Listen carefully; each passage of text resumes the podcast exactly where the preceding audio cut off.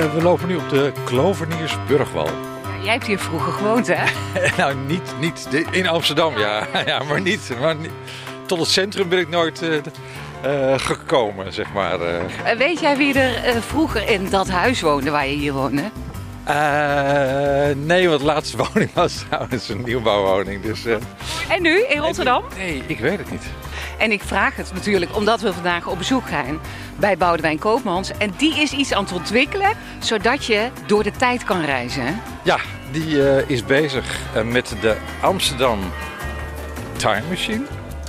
Eh, en daarmee kun je inderdaad uiteindelijk in elke eeuw uitstappen. Tenminste, dat is uiteindelijk de bedoeling. Dus dan kun je zien hoe wij staan nu tegenover het carillon, tegenover de kerk van 1614. Ja. Dus je kunt in die tijd uitstappen en kijken hoe de straten eruit zagen. Ja, en, en welke mensen er wonen en wat ze deden, wat voor beroepen ze uitoefenden. Het verhaal van die mensen, Exact. Ja, hier is het hè. hier is het.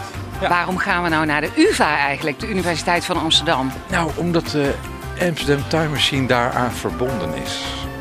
Naar binnen dan hè? Ja.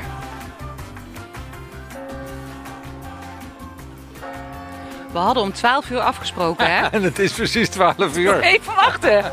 Ja. Goedemorgen. Dag. Wij komen voor eh, Boudewijn Koopmans. Hallo. Wat leuk, wat leuk dat jullie er zijn.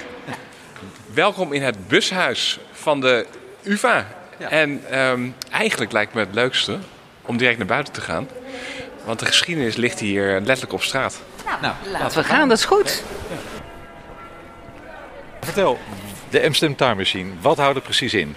Ja, het is een, eh, een droom eigenlijk om het virtueel tijdreizen door de geschiedenis van Amsterdam mogelijk te maken. En die droom is geïnspireerd door eh, een onderzoeksgroep die in 2013 de Venetië Time Machine heeft eh, bedacht. Eh, omdat die Venetianen die legden eigenlijk alles, alles vast. En als je dat digitaliseert, dan kan je dat op, op een hele mooie manier tot leven brengen. Dus het gaat over digitaal erfgoed, want daar maken wij die podcast ook over. maar toevallig. dat is toevallig, hè? Maar stel nou, je hebt er nog nooit van gehoord van deze tijdmachine. Ja. Hoe leg je dat nou in twee zinnen uit? Dan gaat hij. Nou, dat, dat digitaal erfgoed, eh, dat brengen wij tot leven door allemaal bijzondere visualisaties. Eh, dus dat je bij wijze van spreken kan instappen in een huis van 1800 en dan kan uitvinden wie woonde daar, wat gebeurde hier, werd er gewerkt, wat speelde er op straat. Dus je kunt echt als een soort Google Earth eh, met die time machine hier, eh, over dit, eh, hier over die brug, over die gracht heen lopen. En kijken wat was het toen, Ja, drie eeuwen geleden. Ik, zie voor me dat je met een schuifje dan inderdaad de tijd selecteert waar je in geïnteresseerd bent. En dan zegt, oké, hier wil ik meer van weten. En dan moet die tijd tot leven komen. Nou, dat kunnen foto's zijn, misschien video voor recente geschiedenissen. Maar als je natuurlijk teruggaat in de, in de, ja, de middeleeuwen en, en later... dan moet je het doen met visualisaties. Nou, we hebben hele goede eh, mensen die dat kunnen. Maar ook natuurlijk eh, schilderijen, prenten, nou, noem maar op. Het klinkt natuurlijk huge, hè? Ik bedoel, de hele Amsterdamse geschiedenis kan niet allemaal in één keer. Dus waar begin je dan met zo'n tijdmachine? Ja, we beginnen klein, stap voor stap. En we hebben nu drie plekken in Amsterdam waar we eigenlijk gaan graven. Eh, en eh, één daarvan is dus hier vlakbij. Dat is de Joodse buurt. En we zijn ook actief in eh, Amsterdam Zuidoost. Eh 60 jaar Bijlmermeer. Daar zijn we druk mee Dus bezig. niet alleen echt de verre geschiedenis, maar ook de actuele, nieuwe geschiedenis. Of Yes. hedendaagse geschiedenis. En dan, dan stellen we ook nog ons ten doel om de geschiedenis te verbinden met vraagstukken van nu. Omdat eh, natuurlijk terugkijken is heel interessant Ja. en leuk. Eh, maar wat betekent dat dan voor ja, het Amsterdam van de toekomst? Een voorbeeld? Nou, eh, we zijn ook bezig met de, de natte kant van de stad. En we kijken hier uit op, op, de, op een gracht. Amsterdam heeft altijd enorm zijn best gedaan om het evenwicht tussen water, dat natuurlijk aan alle kanten om ons heen ligt, en, en het behuizing eh, goed te houden. En er wordt nu zoveel gebouwd dat we soms nog wel eens vergeten dat dat evenwicht er nog steeds moet zijn. Dus sommige panden liggen lekker te laag Ja. te diep in, het, eh, in de klei, zeg maar. Dus eh, door terug te kijken kan je ook mensen bewust maken. Waar gingen wij nou naartoe, Boudewijn? Ja, wij moeten ons even langs een van de vele werkzaamheden eh, in de stad. eh, moeten wij eh, ons wurmen. Ja. En dat is ook wel grappig. Ehm, Want we gaan de Joodse wijk in nou, hè? ja, ja, ja, klopt. Dus eh, die, die Joodse wijk die, ehm, die, is, die is zo genoemd omdat eigenlijk in het begin van de 17e eeuw heel veel Portugese Joden hier naartoe kwamen. Die konden hier vrij hun, eh, ja, hun, hun, cultuur, hun geloof beleven. Eh, en ook flink handelen. Want Amsterdam is natuurlijk altijd een stad geweest van, van handel. Voor we je echt niet meer verstaan, want ze Ja, zijn hier ja. volgens mij aan het bagger of zo midden in de stad. Hoe heet het huis waar we naartoe gaan? We lopen naar het eh, de Pinto-huis. Pintohuis. Ja, en dat is dus genoemd naar een eh, familie de Pinto. Een van die Portugese dus, eh, Sephardische families. En dat Pinto-huis heeft allemaal stormen van de tijd doorstaan. En daar wil ik jullie graag even naartoe nemen. Misschien wel leuk om te zeggen wat er, je ruikt het al, rechts van het Pintohuis zit. Ronald? Nou, één keer raden. Een Ja. coffeeshop. De coffeeshop. En voor de rest is het allemaal nieuwbouw hier om ja, ons ja, het is heen. het enige-. Ja, er is oude gebouw wat overgebleven is. Het is inderdaad heel, een, een, een- ja, witte raaf. Het is ook een wit pand, heel mooi eh, indrukwekkend. En dit pand dat zie je dus op foto's van begin jaren 70 helemaal alleen in een kale vlakte staan. Want toen eh, wilde de gemeente Amsterdam in de vaart der volkeren eh, nou ja, vooruit, modernisering. Dus er werd een metro aangelegd. En daar moest van alles voor gesloopt. Dus die halve Nieuwmarktbuurt is gesloopt. Totdat de, ja, echt de strijd van bewoners zo sterk werd dat ze zijn gestopt. Dus dat Pinterhuis is bespaard gebleven. Wat kun je nou dadelijk als je die Amsterdam Time Machine gebruikt met dit huis? Want ik zie het al van buiten. Een mooi, prachtige witte gevel. Wat ik voor me zie is dat je dan dit huis kunt scannen eh, met je telefoon. En dat je dan kan kiezen, ik wil terug naar 1850. En dan wil ik eigenlijk dat je kan zien hoe de buurt er destijds uitzag. Dus je kan bij wijze van spreken 360 graden rondkijken. Ik wil weten wie er toen woonde. eh, welke familierelaties er waren, wat voor werken werd gedaan. Dus eigenlijk wil je die tijd tot leven brengen. En dat niet alleen voor 1850, maar ook voor 1780 en voor 1920. Maar misschien ook wel die, die Nieuwmarktrellen. Wat gebeurde er toen? Waarom, waarom was het zo fel? Wat waren de redenen dat er zo'n strijd werd, werd geleverd? Waarom moest alles gesloopt? Heel Het was een strijd tussen mensen die het erfgoed wilden behouden... en mensen die zeiden nee hoor, we gaan de metro aanleggen. Ja, mensen die, die wilden de metro aanleggen. eh, geen kleine bochtige straatjes meer, maar gewoon een vierbaan snelweg dwars door de stad. Nou, dat is wel achterhaald, maar er zijn nog steeds buurten in Amsterdam, zoals de Bijlmer, waar nog heel veel wordt gesloopt. Waarbij ook mensen zeggen, waar moet het allemaal plat?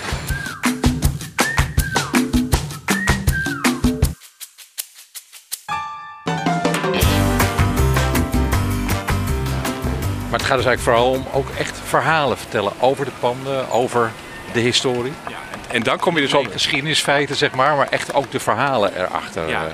en daar kom je dus op dat de- delen van digitaal erfgoed. We willen dus eigenlijk wat in al die archieven zit. Het Stadsarchief Amsterdam, ook de mu- museale collecties. Er zitten allemaal verhalen. Niet alleen maar over Rembrandt en, eh, en andere bekenden, maar ook over de gewone man. We moeten misschien wat dieper graven. eh, maar je wil dus eigenlijk ja, al die archieven wil je eh, tot leven brengen. En die verhalen die vertellen we niet natuurlijk allemaal zelf. Hè, want wij, wij zijn een soort van, ik zou bijna zeggen, regisseur van Time Machine. We willen ook een infrastructuur klaarzetten die gebruikt kan worden door onderzoekers, museumconservatoren, eh, makers van educatieve programma's. Of gewoon buurtbewoners zelf die een site maken over hun visie op het verleden. Maar dan kunnen ze wel gebruik maken van alles wat we via hè, die, die linked open data technieken beschikbaar stellen. Dus wat dat betreft, jullie volgen de principes van het netwerk Dichter Erfgoed hierbij. Dat is eigenlijk leidend. Ja, absoluut. We, we onderschrijven die volledig. Dus de data die we gebruiken, die houden we zoveel mogelijk bij de archieven zelf. We gebruiken open standaarden, gedeelde standaarden. eh, en wat wij maken, dat, dat maken we ook zodanig dat het kan worden hergebruikt door anderen.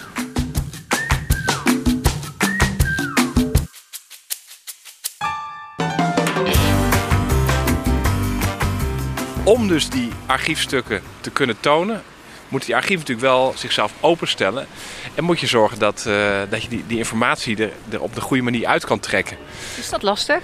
Nou, dat is best wel lastig. Om een voorbeeld te noemen. Stel nou, we staan hier in de Jodenbreestraat. Als jij in je database getypt hebt Jodenbreestraat, Dat is niet zo handig. Want ten eerste was die spellingswijze eh, eh, enorm verschillend de afgelopen eeuwen. En ten tweede wil je eigenlijk dat iedereen die iets heeft over die straat verwijst naar een unieke identifier. In Amsterdam is dat de Adamlink eh, database. Want Zo- dat is?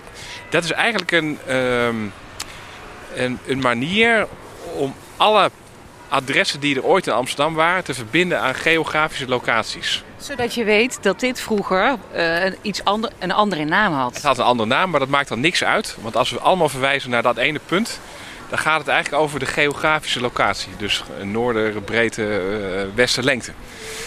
En, en dan krijg je dus een heel rijk beeld van die, precies die plek over de eeuwen. Op basis van al die, die mensen die eh archieven hebben gevormd, die musea die collecties hebben verzameld. Gelukkig zijn er wel archieven die heel ver zijn, heel geavanceerd. Eh, Zoals het Stadsarchief hier in Amsterdam. Maar ja, er zijn talloze archieven. Er zijn ook kleinere archieven die, die niet zoveel geld hebben. Dus het is wel ons doel om die te gaan helpen. Eh, dus om te zeggen van nou ja, weet je, ehm, geef ons je database en wij maken er linkdata van.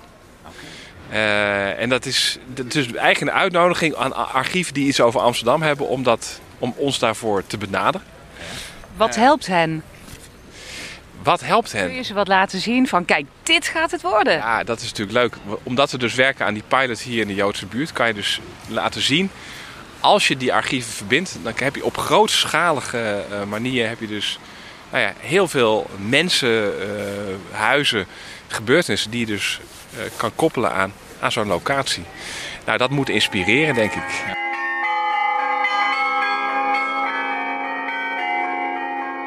Dit geluid, hè? Het carillon. Ja, dat is toch bijzonder dat Rembrandt bij wijze van spreken datzelfde carillon heeft kunnen horen. Ja, hoe we het rook, dat weten we natuurlijk niet echt. Maar er zijn wel allerlei partijen bezig om bijvoorbeeld vieze grachtengeur na te maken. dus in, uiteindelijk komen we er ook nog wel eens een keer eh, op uit dat je dus geluid kan combineren met geur. Ja, Dat is leuk, hè? Lijkt me fantastisch. Lijkt mij ook, Ja, lijkt lijkt me ook. fantastisch. Ja. Dan krijg je echt een beleving als Ja. je dat eh, erbij krijgt, hè? dat zou ik wel willen. En dat, dat heet volgens mij met een heel spannend woord immersive ervaring. ja. Dus dan ga je in een ding zitten en dan, dan zie je die visualisaties. Net als in de bioscoop nu, die, die 4D-films. dat je ook nog eens een plens water in je nek krijgt. Ja, precies. Ja, ja, ja. Ja. Ja. Ja, dus, dus eigenlijk de Avatar-beleving. Ja. Eh, maar dan inderdaad eh, Ja. voor historische Ja. gebeurtenissen. En voor onderzoekers halen we al die, eh, die belevingen halen we er gewoon af. Die willen gewoon de ruwe data. Die wilde ruwe Maar wij willen wel eh, de full eh, experience, Ja, toch? ik wil de full experience. Ja.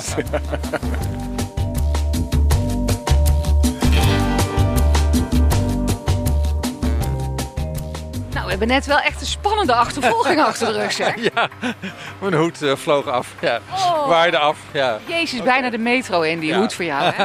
Ja. Wat de wind. Ja. Boudewijn, nu hebben we het alleen over de Amsterdam Time Machine gehad. Maar je hebt natuurlijk veel meer nog. Ja, absoluut. In Nederland en, en daarbuiten. Eh, in Nederland heb je bijvoorbeeld Gouda, eh, Friesland, Limburg. Utrecht. Utrecht. Dordrecht. Dordrecht. Het is een, een hele serie. Ook nog time machines die geen time machine heten, maar het eigenlijk wel zijn. Ja. In Lisse bijvoorbeeld.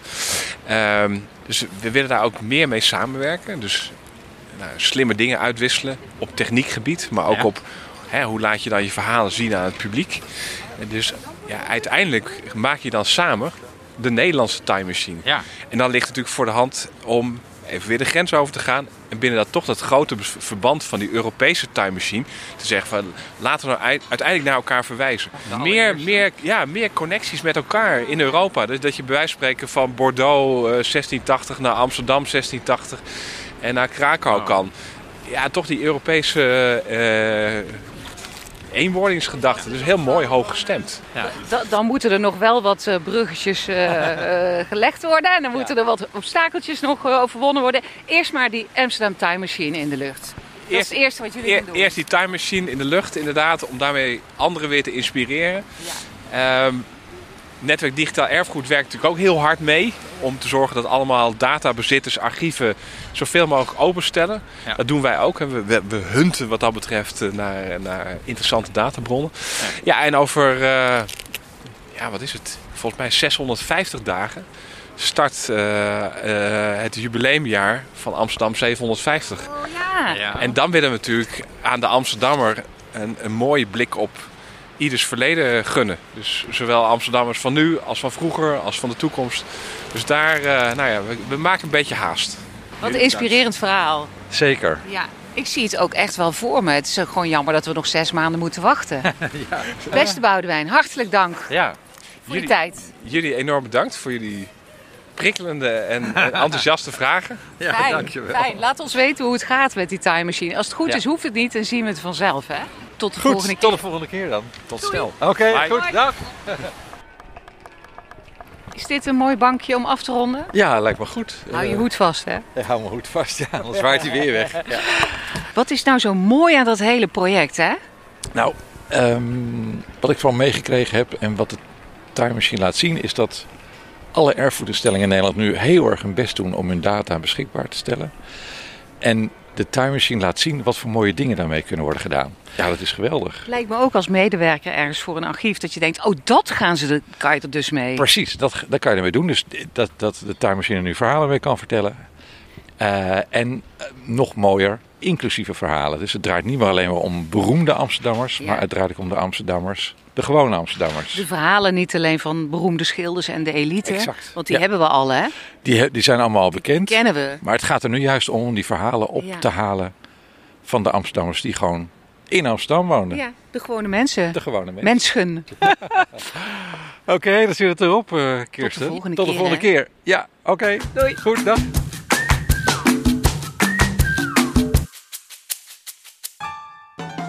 Alle podcastafleveringen van Paulus en de Nijs op reis door het digitaal erfgoed kun je terugluisteren via Spotify en Soundcloud.